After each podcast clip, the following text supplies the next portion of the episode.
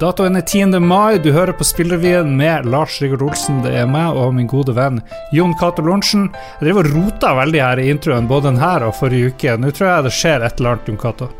Er det stresset, er det lederstresset som kommer til deg nå? Har du vært leder i et år, Lars? Det er ikke bare Ja. bare. Nei, jeg er på jobb hele dagen, da. Og så har du jo også lederansvar for, eh, lederansvar for Spillrevyen, ikke sant? Det er dobbelt opp.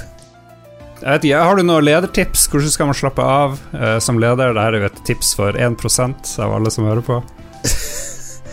Nei, det er jo bare å slå av telefonen og uh, tilbringe tid med de du er glad i. Er ikke det klisjeen? Det høres ut som en enorm klisjé. Nå må vi komme til saken. Det er ikke det, er ikke det her lytterne hører på. De vil ha Stone Cold Facts Stone Cold og de siste nytt fra spillbransjen analysert av de skarpeste hodene i Norge. Stone Cold News. Det norske spillet Sunlight fra Krillbite Studio, der du jobba før, Jon Cato, er nominert til beste lyd i Independence Game Festival Awards. Det er en årlig festival som pleier å være kobla til Game Developers Conference, og spilleprisutdelinga hyller de beste indiespillene som kom året før. Tidligere vinnere er ting som Fess, Papers Please, Outer Wilds, Her Story, Night in the Woods osv. osv. De nominerte til årets hovedpris er spillene Paradise Killer, Teardown, Chicory A Colorful Tale, Genesis Noir og masse ting jeg aldri har hørt. Genesis skal det være. Ja, nettopp, du har skrevet feil her. Og Spiritfair, det har jeg spilt.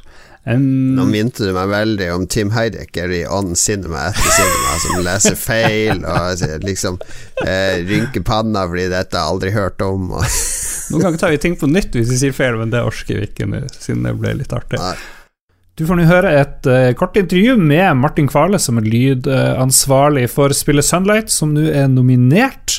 Han jobber i Krillbite. Det samme gjør Adrian Tingstad Husby, som er creative lead. Jeg prata med dem uh, da de gikk tur i skog og mark i Oslo på lørdag. Dessverre så var det litt issues med lyden, så det er stort sett Martin du får høre fra her. Somewhere, out of sight, a hand picked me up.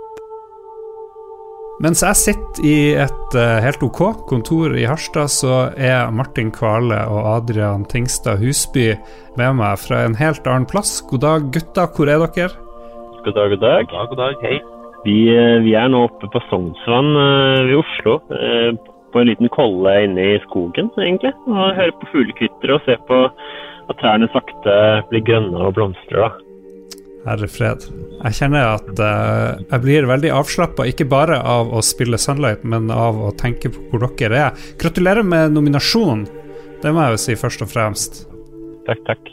Og jeg må jo si at det er jo en fantastisk spennende lydopplevelse å gå gjennom skogen i sunlight, plukke blomster, få, få en slags filosofisk og ganske sånn intens, på noen måter, historie fortalt fra eh, ikke bare et kor i bakgrunnen, men også et kor av folk som snakker til deg.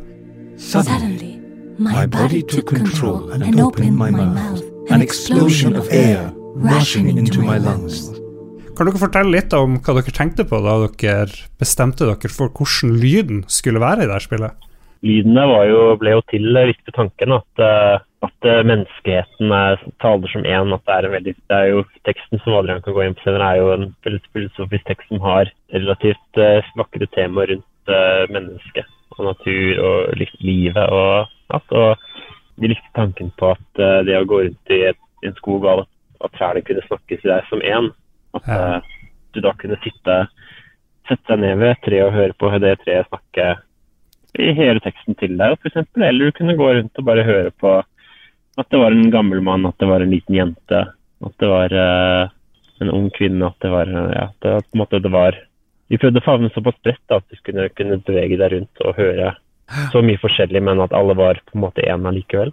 Resultatet har jo blitt veldig bra, men var dere i tvil noen gang om at det her var, var liksom den rette måten å gjøre ting på? Jeg tror det, var, det jeg personlig var i tvil om, var jo på en måte tekniske gjennomføringen eh, av det å, å finne ut hvordan vi skal kunne få det til å føles naturlig ut. At f.eks. at du går rundt og du hører forskjellige stemmer, og at ikke de skal bli eh, oppå hverandre, sånn at det blir, skaper disharmoni. Så det tekniske var eh, litt stress i produksjonen å finne ut hvordan vi skal eh, veie stemmene opp mot hverandre og av, i forhold til avstand, i forhold til hvor du ser, i forhold til hvis du går forbi et tre og er bak deg og sånne ting. Så Mm. Eh, for, min del så var det bare så var det litt stress rundt selveste implementasjonsbiten, men der hadde vi jo gode programmerere som eh, eh, fra Kulberg, både med Dennis og Rackster, tror jeg, som sto på lydsystemet, som, eh, som var veldig behjelpelige på det. da.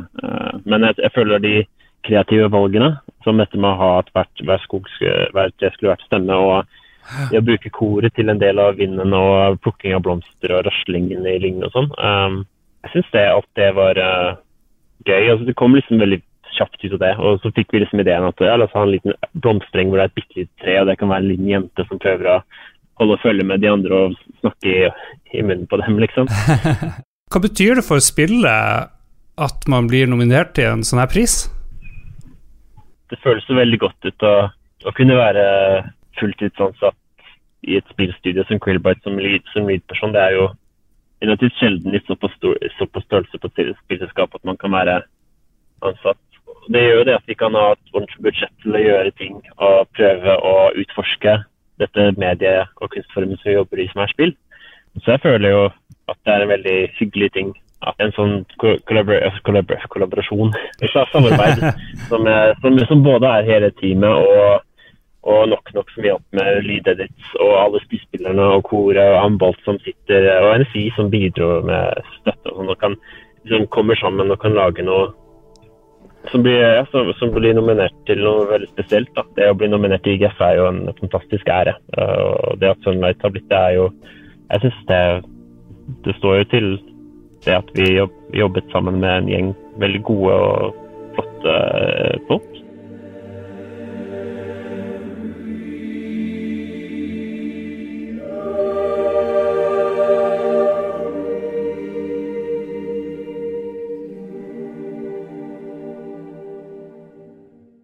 These rays of light have traveled through decade after decade, finally reaching your ears this very moment. Det var et intervju som vi skal gjøre i fremtiden, Jo Cato. Er det her en viktig pris? Ja, det vil jeg si. Jeg, jeg sitter jo i styret til Krillbite fram til sommeren, så jeg er jo litt inhabil. Det var vel også jeg som ga tommel opp for det her spillet når jeg var daglig leder der. Så jeg er litt inhabil. Men ja, det er en viktig pris. Eh, Det var vel I 2011 så ga de vel hovedprisen til Minecraft. Eh, Da var jo de andre tradisjonelle prisutdelingene mest opptatt av ting som Skyrim og andre eh, fjåsete trippel A-spill, så at de har hatt rykte på seg for å ha en puls på det som skjer, det som er nytt og spennende, ikke sant. Og, eh, Spiritfarer, eh, Paradise Killer, Teardown Ginese Doar. Spill Genesis Noir får du på GamePass nå, så det har du ingen unnskyldning for å spille. Den er vel nominert til fire priser, så det er den store eh. Den som ser ut til å bli den, den store i år. Men ikke sant, det, er, det ikke, var ikke selvsagt eh, for mange år siden at spill som Papers Please og, og Fez og, og Her Story og sånn var skikkelig gode, relevante spill, for de ble litt sånn stemoderlig dekt av den tradisjonelle spillpressen. Så denne prisen og indie-miljøet har vært veldig viktig for å kjempe opp og frem nye stemmer. Ja. Undertale er vel også et spill som har vunnet, vant der. Jeg, var, jeg har vært på den prisutdelinga to ganger, tror jeg, og det er en veldig artig prisutdeling. Conan Exiles kommer til Microsoft sitt eh, GamePass. Det forteller norske Funcom. Foreløpig så vil selskapet ikke avsløre en konkret dato uten å si at det kommer snart. Men eh, spillet blir tilgjengelig både for Xbox og PC-abonnenter. Samtidig så bruker de anledninga til å avsløre at Isle of Sipta-utvidelsen slippes i ferdig form på alle plattformer 27. mai. Hva vi tenker om eh, Funcom for tida, Jon Cato? Eh, De har jo masse prosjekter, de, så det er jo spennende å følge med på. Men at de skal inn i GamePass, er jo eh, med, med Conan. Det er jo uh, Mystisk nok så er det jo tima akkurat til uh, den nye utvidelsen kommer, virker det som. Uh, som er et vanlig sånn GamePass-triks.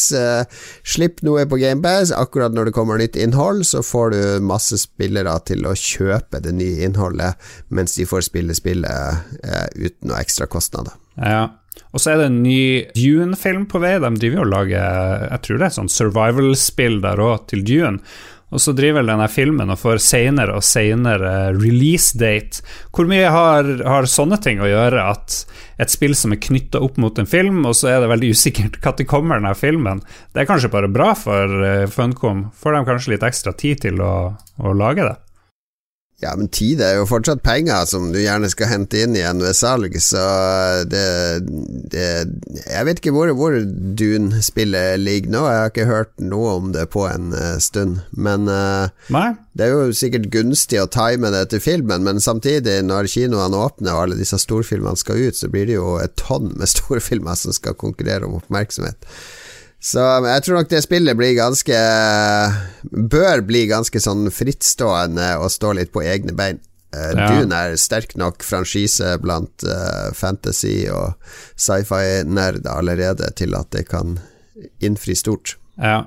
Filmen har en foreløpig slippdato på 1.10.2021.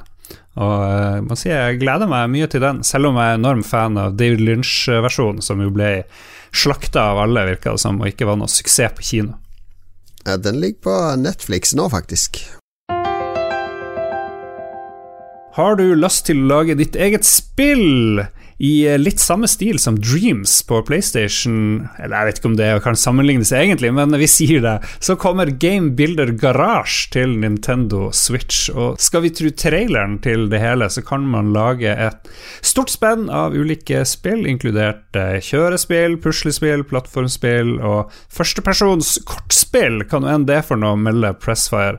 Eh, du skal også kunne lage teksturer, sprites, animasjoner, musikk og lydeffekter.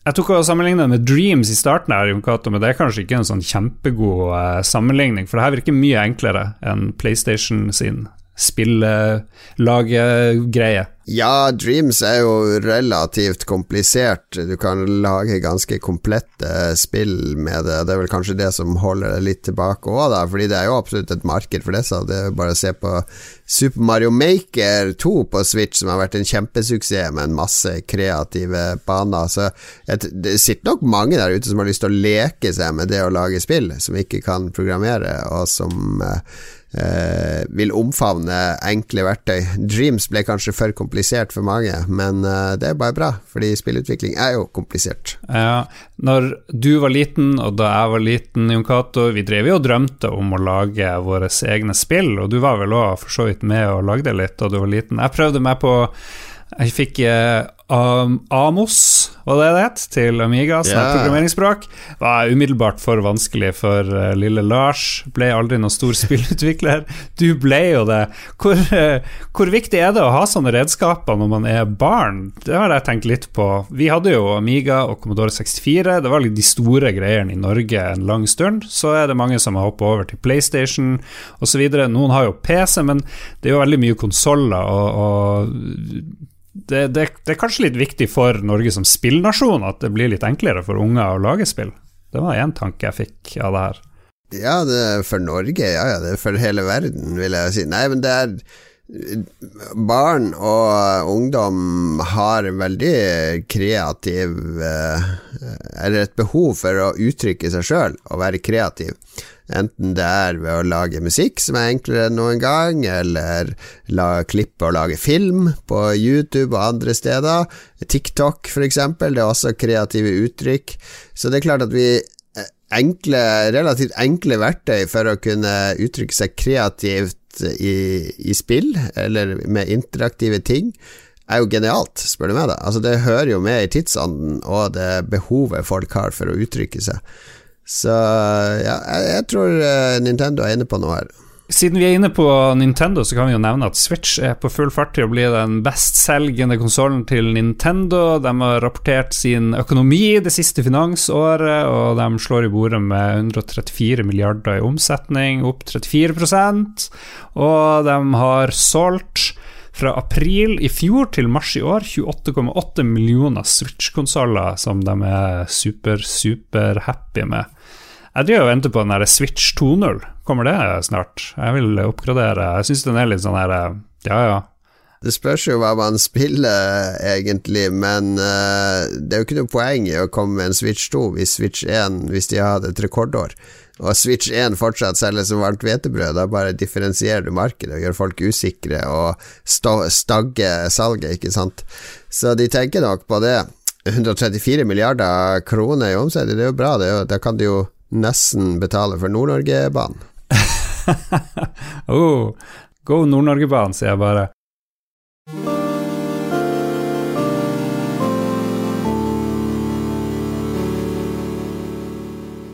Helt til slutt så skal vi snakke om et ganske komplisert tema, kampen mellom Apple og Epic, som går i rettssalene akkurat nå i USA, Jon Cato. Ja, dette er jo kjempeinteressant på så mange ulike plan, for det er jo en litt sånn offentlig skittentøysvask, og så er det et blikk bak fasaden til disse selskapene som posisjonerer seg som dine beste venner, og vi vil lage det kuleste i verden for deg, for du, er, du mm. forbrukeren, er, er, vår venn. Og så kommer du litt bak fasaden, og så får du innblikk i de litt sånn beinharde businessgrepene og taktikkene de bruker. Ja vel, jeg kom med noen eksempler her. Spillselskapene er ikke vår venn. Sterk påstand. Hvem skulle tro at enorme milliardselskap ikke elsker oss? Ja, det er jo mange som tror det. Det er jo sånn slags sånn eh, Manchester United, uh, Liverpool-lojalitet til PlayStation og Xbox og sånn, uh, som, som, er litt rart når du tenker etter det. Men det er jo ikke det dette handler om. Altså Det overordna denne rettssaken handler om, er jo om uh, en, en aktør skal ha lov til å selge sine digitale produkter sjøl Mm. I, et, uh, I, et, uh, digitalt økosystem som, uh, som, som, noen andre eier. Ja, fordi Epic det, ble kasta ut fra Apple, det er liksom der det begynte, var det ikke det? Ja, kjernen er jo Fortnite, som har en butikk i spillet, eller i metaverset, som Epic insisterer på å kalle Fortnite, for de mener at det er mer enn et spill. og, og og det er en butikk i spillet der du kan bruke ekte penger på å kjøpe det en sånn virtuell currency i spillet. Og når spillet da er cross-plattform på PlayStation, Xbox, uh, Apple osv., så, videre, så kan du kjøpe deg denne virtuelle currencyen på en Xbox, og så bruke den på en PlayStation. Uh, så betyr det at uh, hvis Xbox da skal ha en cut av alle salg som foregår i den butikken i spillet, så tjener Xbox penger, mens uh, det, verdien blir brukt på PlayStation. Altså Det er en del av, av kjernen i problemet her. Altså handler det, det, handler litt om Apple skal ha krav på dette. Eksempel Netflix. De hadde en Der kunne du betale din subscription på IOS før, men da, må, da måtte de gi 30% til Apple. For alle som fornya en måned med Netflix, da gikk 30% til Apple. Så de fjerna den muligheten. Så nå må du på nettsiden til Netflix, der Netflix får hele summen, for å fortsette å se. Og det likte jo ikke Apple. Nei. Så Apple vil jo at alle skal selge alt gjennom eh, Apple, og sånn at Apple sitter med, med pengene til slutt. Jo, det skjønner jeg. Og så kommer det ukentlig nye ting. Eh, de, I den rettssaken som, handler, som er mellom eh, Apple og Epic, så dukker plutselig folk fra Xbox opp, og så, ja. og så røper de masse ting om sitt eget selskap òg i samme slengen. Ja, det, det, er, det, er, mange sånne faktorer. For eksempel, eh, Xbox har vært med nå en dag fordi eh, Windows har vært i, i hardt vær før pga. disse antitrust-lovene. altså, de prøvde jo å gjøre sånn at Windows, at Edge var den eneste nettleseren der. Uh, de prøvde å skvise ut konkurrentene Chrome og andre. Og så fikk de ikke medhold, det kan dere ikke gjøre, fordi da blir det et monopol. Altså Disse antitrust-lovene skal forhindre deg å lage et lukka økosystem der du har eh, monopol på alle tjenestene. Og så Da blir debatten er IOS er det et monopol? Ja, det er det, fordi alt kurateres av Apple der. Mm. Men er, er, en IOS-telefon Er det som Windows? Eller er, det, eller er det noe annet, ikke sant? Ja. Og Apple Eller er det en blant annet Xbox? med Det har de vel også sagt. Uh. Ja, for det er jo det Apple argumenterer med at uh, Eller Microsoft sier jo at Windows Det er et sånn multifunksjonssystem, så der er det åpent for alle. Mens Xbox det er et spesialisert system kun for å spille, så da kan de lukke det. Uh, og nå prøver Apple seg til en grad med den samme argumentasjonen, eh, at det er et lukka, spissa system, så de trenger ikke å åpne for at alle aktører skal kunne komme inn og selge ting. Ok. Hva er liksom the juicy shit her, syns du? Hva er de, de mest eh, interessante tingene som har kommet frem, og som er verdt å diskutere? Det som eh, mye av spillpressen ble opptatt av, er jo noe e-poster og informasjon om PlayStation som kom frem, fordi eh, Fortnite var jo eh, kryssplattform i mange år, bortsett fra PlayStation. Altså Xbox-spillere kunne spille med Switch-spillere og IOS-spillere på kryss og tvers. Eh, både Microsoft og Nintendo åpna opp systemet for det, men Sony nekta. Og der, er det kommet fram en del e-poster og utvekslinger som viser at Sony var utrolig tverre på det her. Eh, og det er ikke noen nyhet for oss som har fulgt Sony i mange år. Da MP3 kom, så insisterte Sony på at vi skal ikke lage MP3-spillere, vi skal lage eh, helt eget MP3-format som kun fungerer på våre spillere. De har alltid gått for proprietære løsninger, enten det er super-CDA eller eh, hva de kalte det. De skulle ha egne løsninger for alt som skulle passe til sin hardware. Ja. Eh, og, og den tankegangen ligger jo igjen her, i tillegg til at eh, Fortnite, den største plattformen for Fortnite var på PlayStation. Så Sony satt med gode kort til å presse gjennom noen forhandlinger der de til slutt får en prosentandel fra salg av, eh, av eh, disse Fortnite-pengene på andre formater, hvis, eh, hvis de som kjøper de på andre formater, spiller mye på PlayStation. En veldig, ikke så komplisert avtale, men det er sånn der eh, Typisk sånn der bøllete uh, Vi er største-triks, så, så vi skal være mest mulig tverr og sikre oss mest mulig. Ja, det er spennende. Og så er det vel snakk om hvor mye penger skal de her plattformeierne ha av det de selger. Det var da noe spennende som skjedde. Så. Ja, det er jo også en sånn underdiskusjon som går her, fordi eh, 30% har jo vært vanlig. Det var jo Apple eh, og Steam som satte det i sin tid. Og den er løst basert på hvordan det fungerte i butikk. Eh, når jeg jobba på Akersmik på 90-tallet og starten av 2000-tallet, så var utsalgsprisen på et spill Det var 1,8 ganger det vi betalte for et spill. Så hvis vi kjøpte et spill for 300 kroner, så ble utsalgsprisen mellom 449 og 499. Eh, og det kommer av at du Da har du inkludert moms, og så har du inkludert en eh, avanse for butikken, da, ikke sant? Eh, Som ikke er sånn superstor, men nok. Eh, og, denne, og dette har de regna om til 30% ca. i disse nettbutikkene. Men så er det jo egentlig ikke noen grunn til at de skal ha den 30% at den skal være tilsvarende, Fordi det er jo ikke som Altså, de har jo utgifter, men det bare henger igjen fra gammelt av. Og så er det Ja. noen som prøver seg på lavere nå. Epic Game Store utfordrer jo dette med Sette det til 10-12 Og nå har Windows Store helt nylig kommet etter med at eh, hos oss så tar vi også bare 12% kutt, og så får utvikleren eller utgiveren de resterende. Har du noen tanker om hva følgene av alt dette her kan bli? Om det vil få noen konkrete konsekvenser? Ja, det er jo Altså, saken vil jo stå, stå på om Apple faktisk må åpne opp for å slippe til andre nettbutikker i sitt økosystem. Det vil jo få voldsomme konsekvenser for eh, Apple, og mulig ringvirkning til konsollene òg. At det ikke bare blir PlayStation Store på PlayStation, men at Steam kan lage en PlayStation Store og selge spill der, osv. Eh, det blir jo komplisert, men eh, jeg, jeg, syns jo det det er, det er skummelt med de monopolene nå.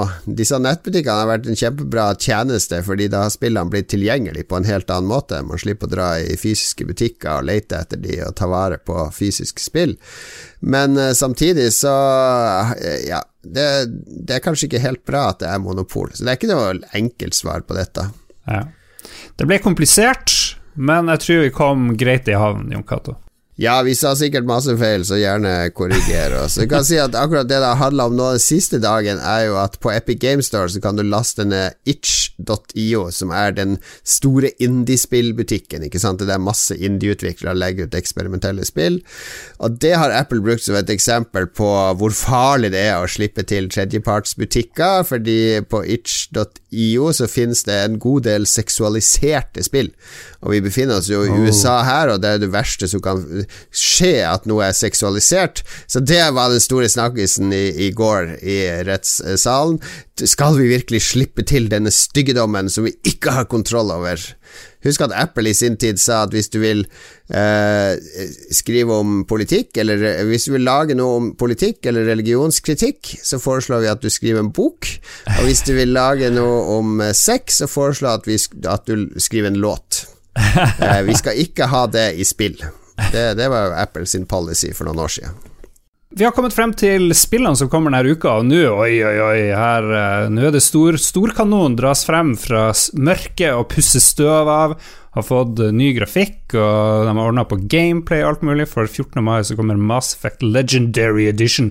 Og Da kommer de tre første spillene, og jeg bare tenker Hvorfor Jesus gir dem ut alle tre på en gang? Jeg tenker masse folk ville kjøpt det første, og så kan de kose seg med det, og så Nå får de bare én, én sjanse til Ja. å, å, å promotere det her i stedet for tre. Greit at de gjør det sånn, nå får masse folk muligheten til å bruke 150 timer på å hate slutten på Mass Effect eh, nok en gang. Jeg vet ikke om de Har de fiksa slutten, eller noe sånt? Ja, det vet jeg ikke, nei.